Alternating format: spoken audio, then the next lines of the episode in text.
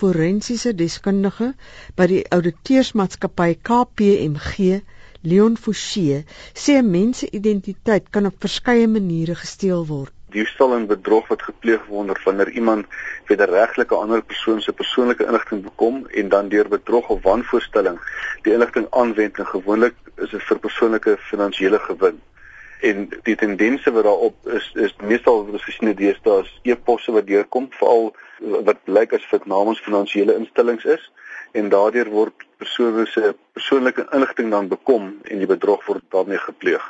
Blote diefstal van beursies waarin bestuurslisensies, kredietkaarte en identiteitsdokumente is, is ook 'n manier hoe identiteit onregmatig bekom word. Die dokument word vervals en dan so kan 'n persoon wat 'n goeie kredietrekord het, deur net dat hulle sy identiteitsnommer het, kan hulle vervalste identiteitsboekies saamstel met daai persoon se identiteitsnommer en dan rekeninge oopmaak en op daai rekeninge verkoop asof hulle die persoon is. McLaughlin sê sy skryf die rede vir die toename in identiteitsdiefstal toe aan die vele maniere waarop persoonlike inligting in die verkeerde hande kan val.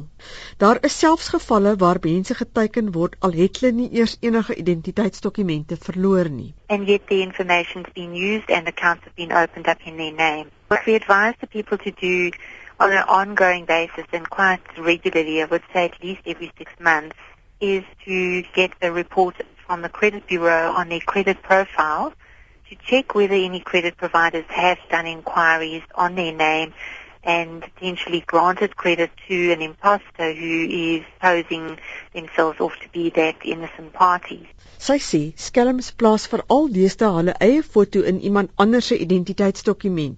I don't know how they're managing to do this because we thought that the new ID book would try to prevent that but they are still managing to get these photographs put into an ID book and they use the other individual, the innocent party's name and ID number.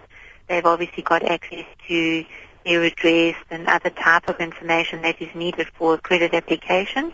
And then they go off and they open accounts in these poor people's names. Die groot probleem is dat dit in baie gevalle moeilik is om te bepaal wie die werklike persoon is. All the credit provider would have is copy the identity photo. Now, sometimes those photos are not that well copied, they're not that legible.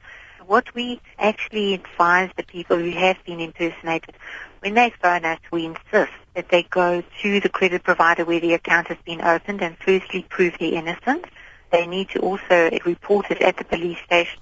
Daar is selfs gevalle waar een foto in verskillende identiteitsdokumente gebruik word using many different names and ID numbers.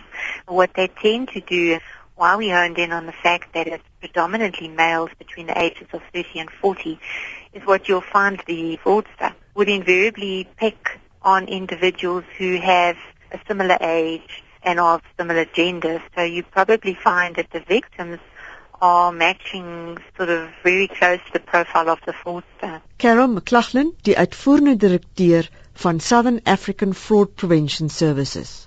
In verskeie gevalle is die bedrieër 'n bekende aan die persoon wie se identiteit gesteel word. Leon Forsie sê mense stel hulle baie keer onnodig bloot aan identiteitsdiefstal.